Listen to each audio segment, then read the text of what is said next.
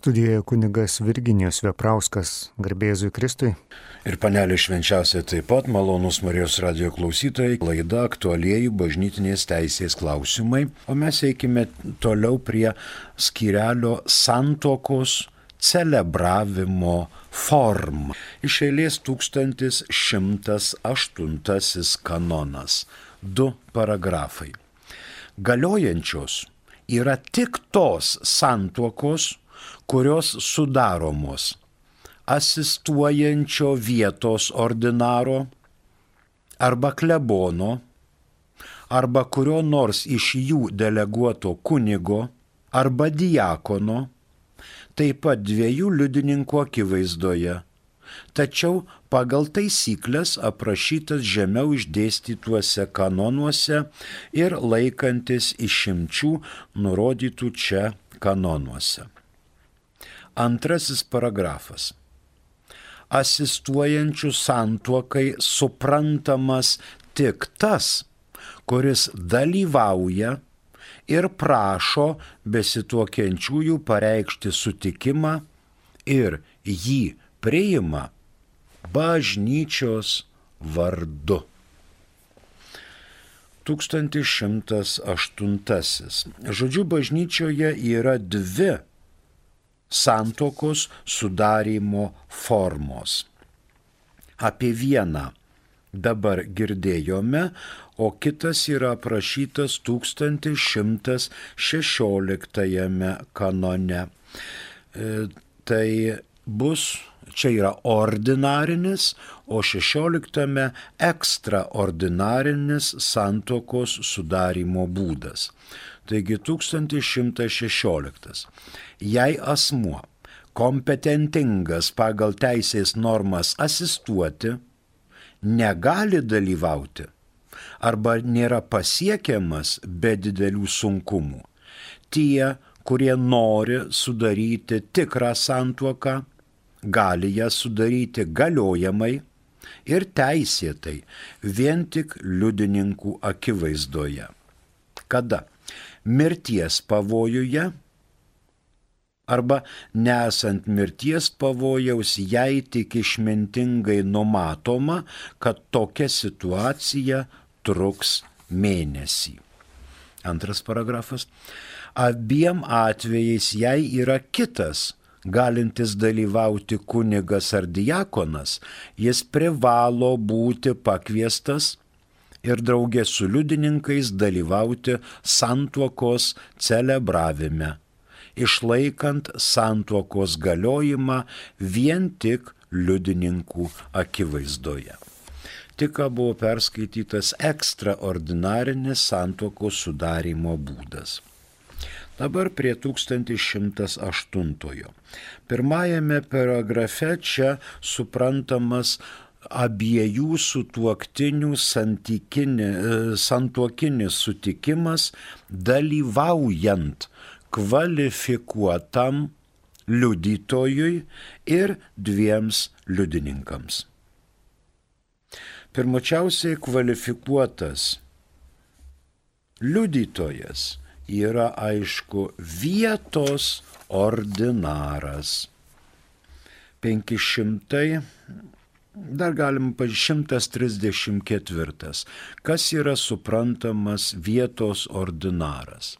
be popiežiaus ordinaru teisėje suprantami dieceziniai vyskupai ir kiti, kurie nors ir laikinai vadovauja bet kuriai daliniai bažnyčiai, ar pagal 368 jai prilygintai bendruomeniai taip pat tie, kurie juose turi bendrąją, ordinarinę, vykdomąją galę. Būtent generaliniai ir vyskupo vikarai. Taip pat savo nariams popiežinės teisės dvasininkų vienuolinių institutų bei popiežinės teisės dvasininkų apaštališkojo gyvenimo draugijų aukštesnieji vyresnieji turintys bent ordinarinę vykdomąją galę. Ordinaras vietos. Dabar kita mintis 316 368. Ne, 370. Pradėkime nuo 370. Teritorinė prelatūra arba teritorinė abatija yra konkreti teritorija apibriešta Dievo tautos dalis, kuria rūpintis dėl ypatingų aplinkybių yra pavesta prelatui arba abatui, kuris būdamas savas jos ganytojas ją valdo kaip diecezinis vyskupas. Tai irgi prilyksta vietos ordinarui, kaip savam ganytojui dar nuo 370, dar 371. Apaštalinis vikariatas arba apaštalinė prefektūra yra konkreti Dievo tautos dalis, kuri dėl ypatingų aplinkybių dar nėra įkurta kaip vyskupija ir pavedama popiežiaus vardu valdančio apaštalinio vikaro arba paštalinio prefekto pastoraciniai globai. Taigi šitie prefektai irgi yra vietos ordinarai. Toliau 476. Kiekvieną kartą, kai to reikalauja geras vyskupijos valdymas, dieceznis vyskupas gali paskirti vieną ar daugiau vyskupo vikarų kurie arba konkrečioje vyskupijos dalyje, arba tam tikriems klausimams, arba konkrečių apieigų tikintiesiems, arba tam tikrai asmenų grupiai pagal toliau išdėstytų kanonų normą turi tokią pat ordinarinę galę, kuri pagal visuotinę teisę priklauso generaliniam vikarui. Tai va, Vyskupo vikaras irgi yra prilyginamas vietos ordinarui ir jo asistuojama santuoka yra galiojanti ir teisėta. Čia apie vietos ordinarus. Dabar pasižiūrėkime į klebonus. Pradėkim nuo 519 kanono. 519 kanonas apie klebonus. Klebonas yra savas, jam pavestos parapijos ganytojas, vykdantis jam patikėtos bendruomenės pastoraciją, vadovaujant diecezniam vyskupui, su kuriuo yra pašauktas dalyvauti Kristaus tarnystėje kad tai pačiai bendruomeniai vykdytų mokymo, pašventinimo ir valdymo pareigas. Taip pat bendradarbiaujant kitiems kunigams ar diekonams ir padedant Kristaus tikintiesiems pasauliečiams pagal teisės normą. Tai va šitas yra klebonas. Toliau 500 žiūrime į 16. Jei teisės nenustatyta kitaip, parapijai prilyginama laikinoji parapija, kuri dalinėje bažnyčioje yra konkreti Kristaus tikinčiųjų bendruomenė, patikėta kunigui kaip savam ganytojui, tačiau dėl ypatingų aplinkybių dar neįsteigta kaip parapija.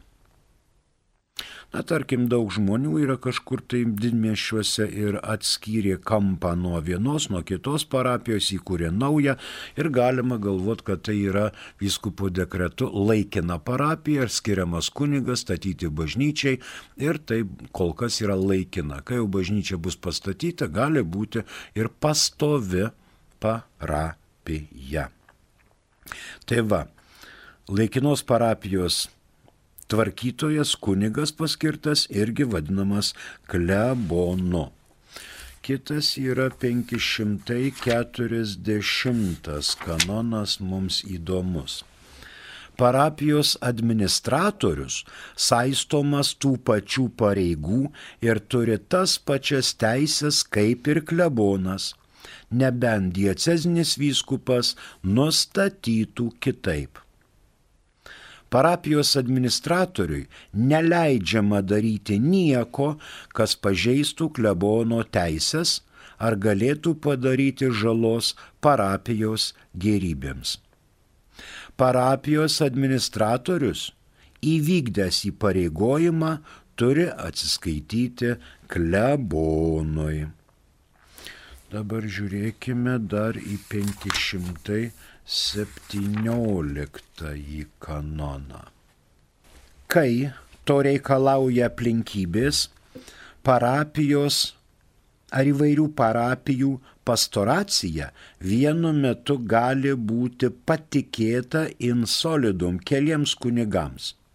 Tačiau tik su sąlyga, kad vienas iš jų būtų vykdomos pastoracijos moderatorius, kuris vadovautų bendrai veiklai ir už ją atsakytų prieš vyskupą.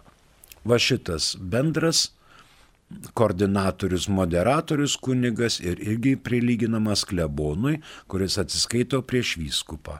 Tai vad jo santokos irgi galiojančios. Toliau 543 kanonas vėl apie klebono poziciją kalba mums. Jei kunigams insolidum patikėta rūpintis vienos parapijos ar kelių parapijų pastoracija vienu metu, kiekvienas jų pagal savo pačių nustatytą tvarką įpareigojami atlikti klebono pareigas ir funkcijas, apie kurias kalba kiti kanonai. Įgaliojimas asistuoti santuokoms taip pat ir visos visos dispensavimo galios klebonui suteiktos pačia teisė priklauso visiems, tačiau jos naudotinos vadovaujant moderatoriui. Dabar 541.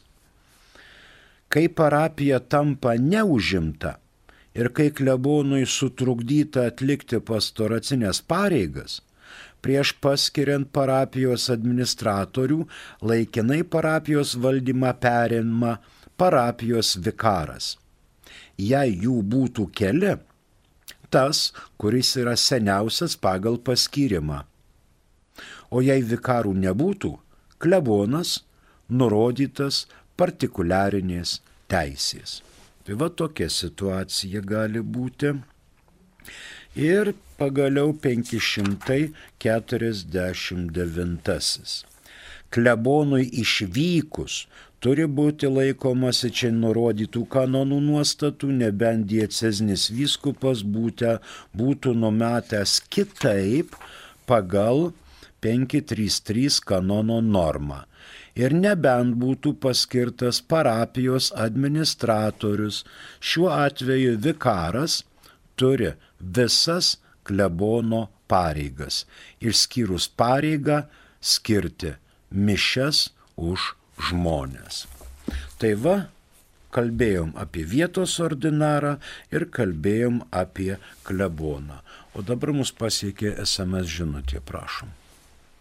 Ar pagal bažnytinę teisę leidžiama susituokti pusbrolių vaikams? Kaip šiuo atveju vertinama kraujomaišos rizika? Taip ir vertinama. Pusbrolių vaikai sudaro santuoką negaliojamai. Stop, ne. Brolio ir sesers vaikai e, sudaro santuoką negaliojamai. O jau pusbrolių vaikai sudaro santoką galiojimai. Čia nuo to pirminio kelmo jau yra nuėję turbūt 5-6 e, laipsniai. 5-6 laipsniai. Jeigu liaudiškai ketvirta karta gali drąsiai sudaryti santuoką. Čia jau ketvirta karta. Čia nėra, kad sūnus su motina. Kraujomaša vertinama. O jeigu, pa, tarkim, nori sudaryti mano duktė su sesers mergaitė santuoka, jų santuoka yra negaliojanti, bet šitas dalykas yra dispensuojamas vietos ordinaro. Pusbrolis su pusėserė gali sudaryti santuoką tik tai gavus dispensą. Jeigu šiaip jų santuoka yra negaliojanti. O pusbrolių vaikai labai prašom. Nėra tokio draudimo. Pagal kanonų teisės kodeksą. Tačiau partikuliarnė arba vietinė teisė gali įsivesti ir tokius draudimus. Gali. Ačiū. Dabar kalbam apie santokos celebravimo formą ir nagrinėjam 1108 kanoną. Dabar tiek vietos ordinaras, tiek klebonas gali deleguoti santokos laiminimo galę kitam dvasininkui arba Kristų tikinčiajam. Jeigu Kristų tikinčiajam deleguoja, kaip matote, net nebūtina turėti valdymo galę. Mums į pagalbą čia ateina, ko gero, 144 kanonas. 144. Aš štai jisai bendros fakto ar teisės klaidos atveju, taip pat esant pozityviai ir galimai tiek teisės, tiek fakto abejoniai, bažnyčia tiek išorinėje, tiek vidinėje srityje papildo vykdomąją valdymo galę. Taip pat norma taikoma įgaliojimams, apie kuriuos kalbama 1111 kanone. Tai yra apie santuoką. Apie santuoką. Čia valdymo gale nebūtina, nes tikintieji pasauliečiai neturi valdymo galios. Dabar 1108 antras paragrafas. Dėl asistuojančio santuokai. Asistuojantis santuokai suprantama tik tas, kuris fiziškai dalyvauja. Tiek vietos ordinaras, tiek lebonas ar deleguotas kunigas ar dvasininkas dalyvauja ir prašo besituokiančiųjų pareikšti santuokinį sutikimą. Žodžiu, kvalifikuoto liudininko dalyvavimas yra aktyvus. Jis prašo pateikti santokinį sutikimą ir priima abiejų sutuoktinių priesaiką. Šalia to santokoje dar yra du liudininkai. Jie yra pasyvūs. Jie nieko neklausia ir niekas jiem nieko neatsakinėja. Jie dalyvauja bet tie liudininkai taip pat turi būti gebantys vertinti, kas vyksta. Pavyzdžiui, jauną jį atitempė už pažastų pabroliai ir jis beveik be, be sąmonės, kaip sako, be plionkės. Tai ką jis gali pareikšti, kokį santokinį sutikimą ir kokią priesaiką. Jeigu taip kažkiek tai per porą metrų jaučiasi, kad jisai jau ruošiasi vestuvėms, tai dar gal ir nieko, bet liudininkai turi matyti. Pavyzdžiui, ar alkoholis trukdo, gal jam trukdo pareikšti santokinį sutikimą proto lyga, gal žmogus turi negalę, pavyzdžiui, kurčias arba aklas kad jį atvedė prie kažkokios neaišku moters ir ar, ar tu tikrai ją įimi, ar jis, jinai nori tekėti už tavęs, kad liudininkai būtų įgalūs vertinti. Kvalifikuoto liudininko dalyvavimas suteikia santuokai viešo akto rangą. Kol nėra kvalifikuoto liudininko, ši santuoka nėra viešo akto dalykas. Teisingumo dėlė pareikšti reikėtų žinot, kad 1917 m. kanonų teisės kodekse buvo reikalaujama netgi toks reikalavimas, kad kvalifikuotas liudytojas asistuotų santokai be baimės ir be prievartos kad jam nebūtų pristatytas prie smilkinio koks nors stečkino kūrybos metalo dirbinys ir tu čia mikliai laimink, ką mes įsakysime. O galėjo būti ir taip. Todėl 17 metais buvo reikalaujama, kad tikrai būtų asista, kvalifikuotas liudininkas asistuotų santokai be baimės ir prievartos, kad jis būtų teisumo būklėje, kad žinotų, ką daro, e, prieima santokinį sutikimą iš abiejų sutuoktinių ir būtent šitą santoką laimina išklausęs priesaiką. 1108 išklausytas, paaiškintas rytų kanonuose atitikmuo yra 828.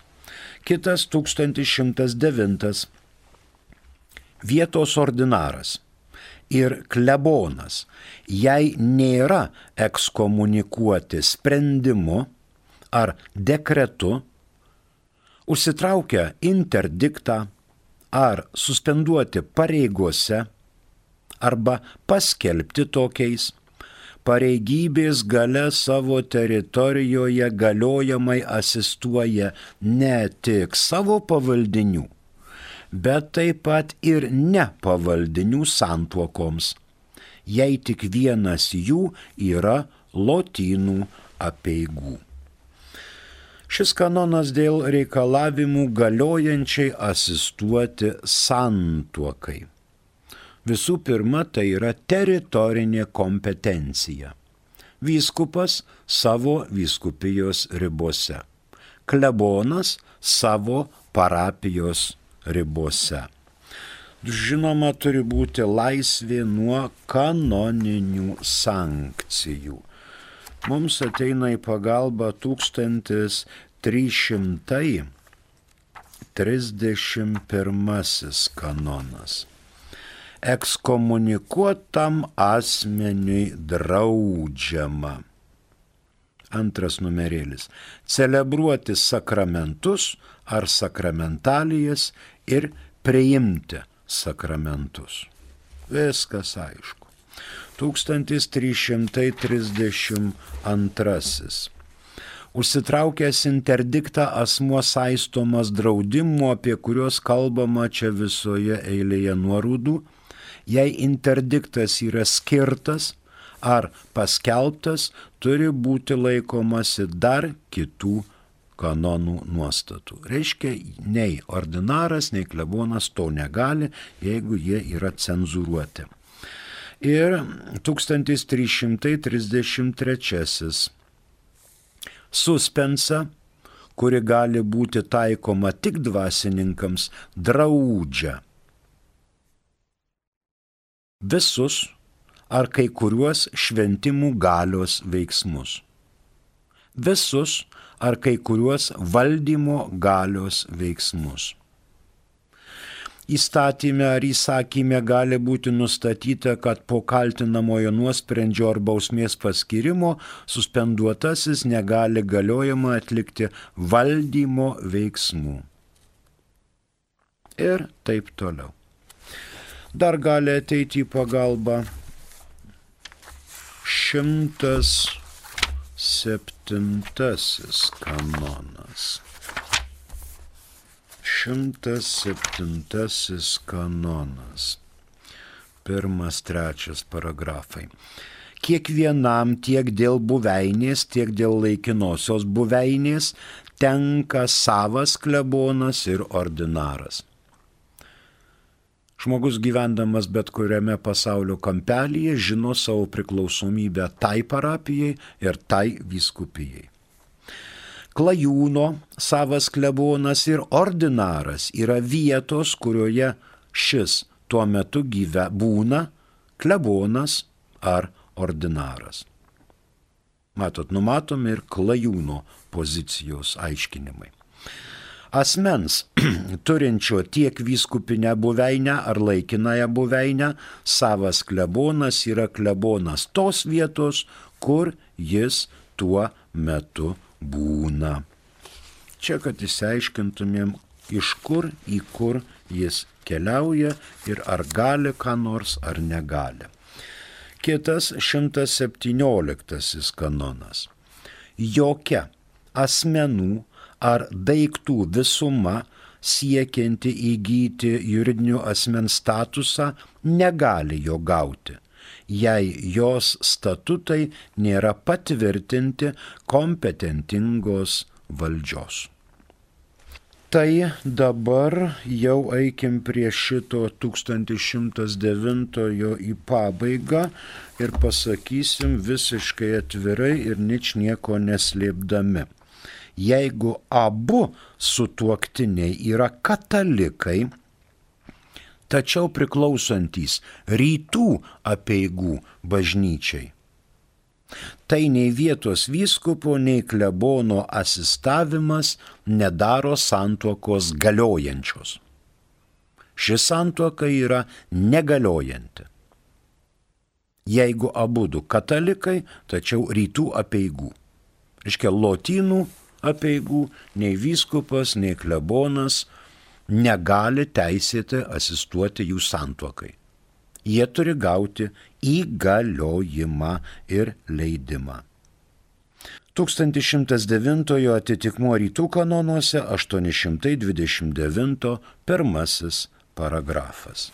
1109 fiksuojam.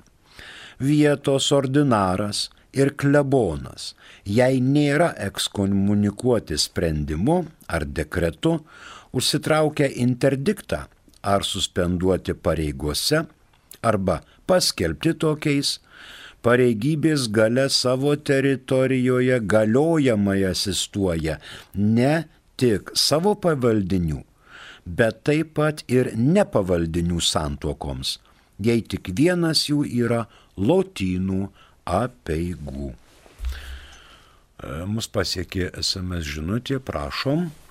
Labadiena, bažnyčios ekonomas.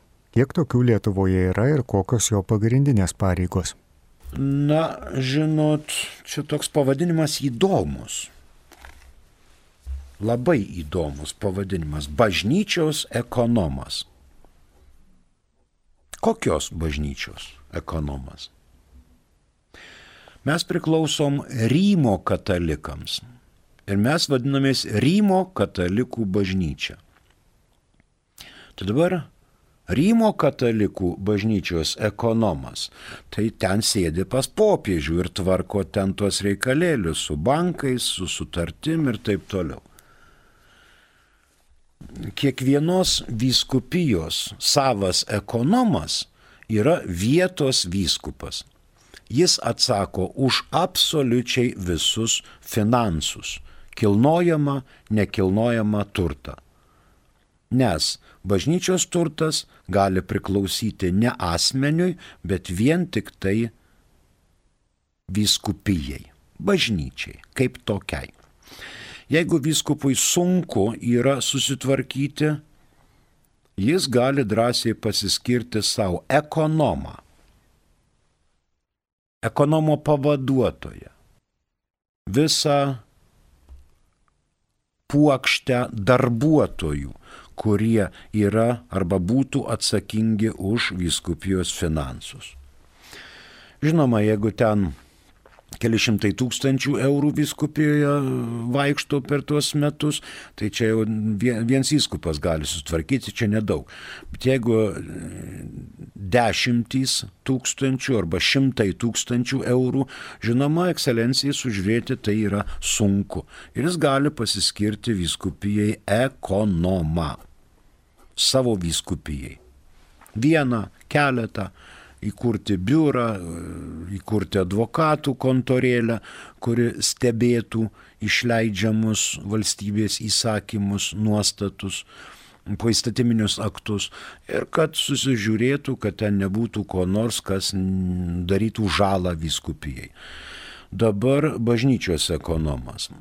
Gali būti ir parapijos ekonomas. gali klebonas pasiimti ekonomą, kas yra parapijose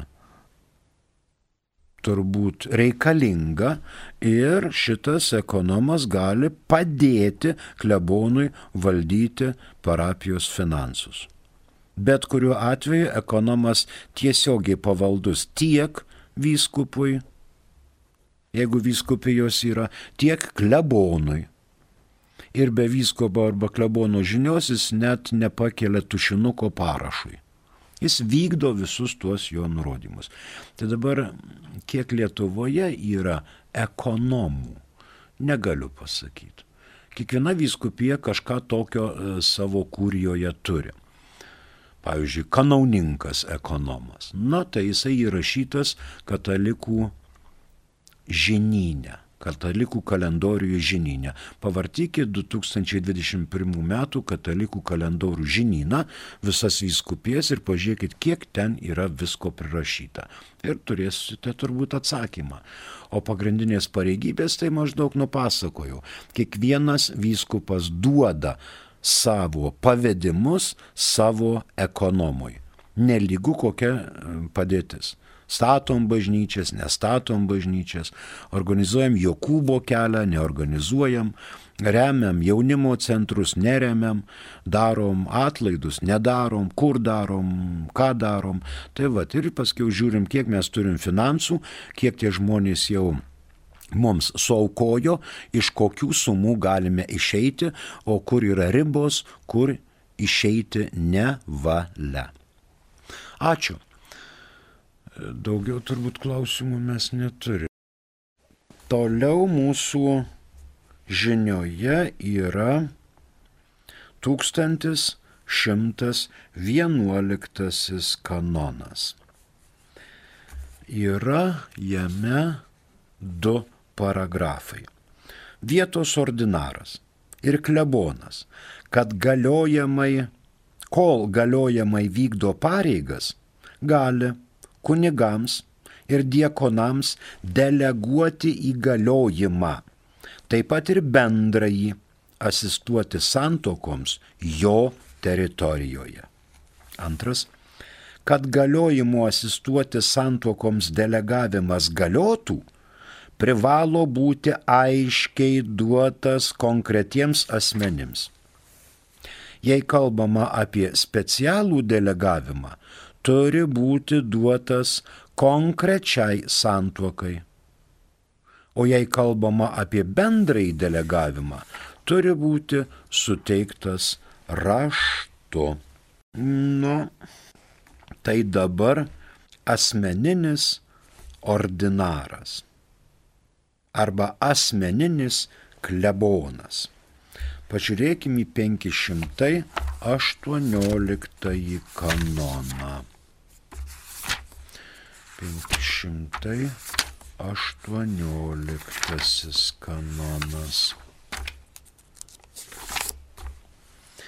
Paprastai parapija turi būti teritorinė. Tai yra apimanti visus konkrečios teritorijos Kristaus tikinčiuosius. Tačiau, kur tai naudinga, turi būti įsteigtos asmeninės parapijos, nustatytos pagal kokios nors teritorijos Kristaus tikinčiųjų apeigas. Kalbą, tautybę ar pagal kitus kriterijus. Mhm. Čia dabar jau matom, kad laikas mums, ar dar SMS kokią žinutę turime. Neturime. Tai turbūt šitą pradėjom apie 1110, apie asmeninį ordinarą ir asmeninį kleboną, kurie pareigybės gale galiojamai asistuoja santuokai tik tai tų, kurių bent vienas yra pavaldinys jo teritorijoje. Tai pagal 518 gali būti ir teritoriniai dalykai pavyzdžiui, kariniai kapelionai, migrantų keliautojų kapelionai, Ir jie turi mišrų priklausomumą, todėl derina su vietos ordinaru, su asmeniniu ordinaru arba asmeniniu klebonu tuos dalykus dėl savo pavaldinių santokos. Su sąlyga, jeigu bent vienas iš jų yra būtent jų pavaldinys, tų migrantų, karinių kapelionų ir kitų, kurie veikia tame krašte, viskupų konferencijoje arba viskupijoje. 1110 atitikmuo yra 829 antras paragrafas. 1110 pabaigėm. Asmeninis ordinaras ir klebonas pareigybės gale galiojamai asistuoja santuokoms tik tai tų, kurių bent vienas yra pavaldinys jo teritorijoje. Tai šiandien užteks, susitiksime kitą kartą. Prie mikrofono dirbo kunigas Virginijus Veprauskas, ačiū ir sudė.